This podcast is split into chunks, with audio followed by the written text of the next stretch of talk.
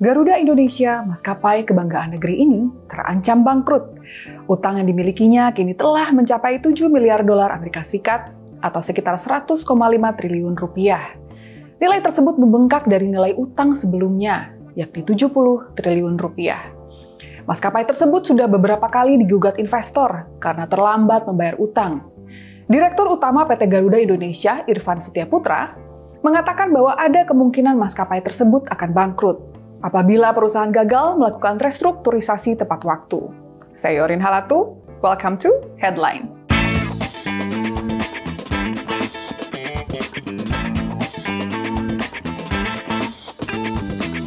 Wacana pilotnya Garuda Indonesia dipicu oleh adanya permohonan penundaan kewajiban pembayaran utang atau PKPU oleh PT Mitra Buana Korporindo kepada pihak Garuda Indonesia pada tanggal 22 Oktober 2021 lalu. PKPU ini sendiri merupakan cara menyelesaikan persoalan utang piutang secara perdata, yang mana bisa diajukan oleh pihak debitur maupun pihak kreditur. PT Mitra Buana Korporindo yang merupakan pihak kreditur merupakan perusahaan sistem integrator skala nasional yang menyediakan berbagai solusi IT untuk pelanggan bisnis atau korporasi, di mana salah satu kliennya adalah Garuda Indonesia. Sebelumnya Garuda Indonesia sempat dikabarkan akan pilot karena digugat PKPU oleh PT My Indo Airlines. Namun PKPU tersebut ditolak oleh Majelis Hakim pada sidang putusan tanggal 21 Oktober 2021 lalu. Direktur Utama Garuda Indonesia, Irfan Setiaputra, mengungkapkan bahwa pandemi telah membuat kondisi industri penerbangan mengalami krisis. Hal ini sebabkan larangan dan imbauan untuk masyarakat agar tidak berpergian. Namun mantan Sekretaris Kementerian BUMN Muhammad Said Didu memiliki pandangan lain. Said Didu menuturkan bahwa persoalan yang menimpa Garuda Indonesia ini bukan hal baru. Jadi pandemi tidak bisa dijadikan alasan untuk membela situasi ini.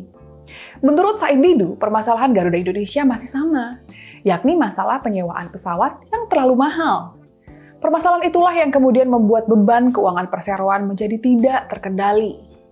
Masalah itu menurutnya sudah ada sejak zaman pemerintahan Gus Dur. Kemudian berlanjut di era pemerintahan Megawati. Menteri BUMN Erick Thohir juga ikut menyebutkan bahwa utang jumbo itu disebabkan biaya sewa yang terlalu mahal. Berdasarkan catatan keuangan Garuda Indonesia, biaya sewa pesawat oleh maskapai tersebut mencapai 26% dari total biaya operasionalnya. Angka ini adalah angka tertinggi di dunia.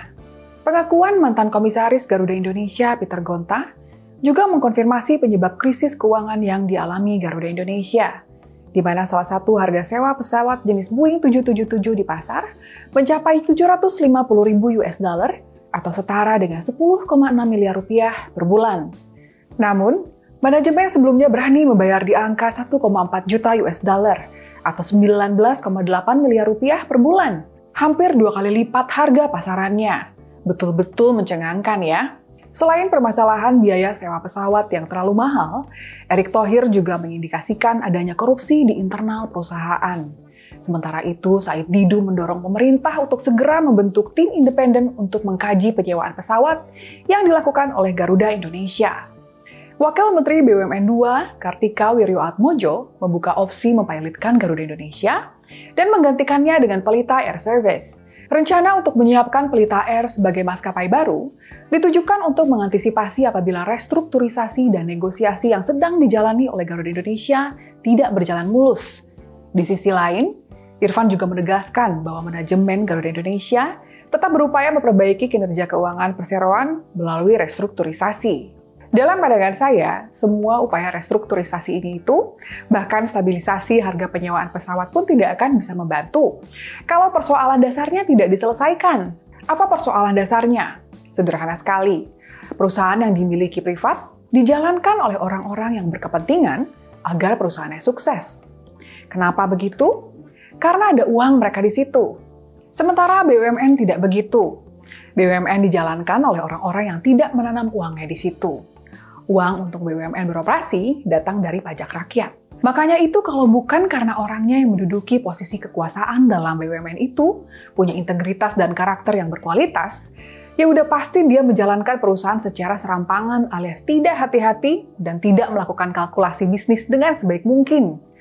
Jadi, Nanti itu mau diganti dengan pelita air atau RR lainnya selama dia masih berbentuk BUMN, akan muncul masalah-masalah yang itu-itu lagi, kecuali ditemukan solusi untuk ini. Bagaimana caranya agar yang menjalankannya itu bisa punya skin in the game alias punya kartu yang dipertaruhkan juga di situ? Supaya bisa lebih terjamin, nggak bakal asal-asalan gitu gejalaninya. Segitu dulu ya pembahasan kita di episode kali ini. Jika Anda punya pendapat tentang isu ini, di bawah ini ada kolom komentar yang senantiasa terbuka sebagai tempat diskusi bersama. Silahkan sampaikan pandangan Anda di sana ya. Jangan lupa like dan share videonya kalau dianggap bermanfaat. Terus juga subscribe channel Geolife dan nyalain lonceng notifikasi supaya nggak ketinggalan episode selanjutnya.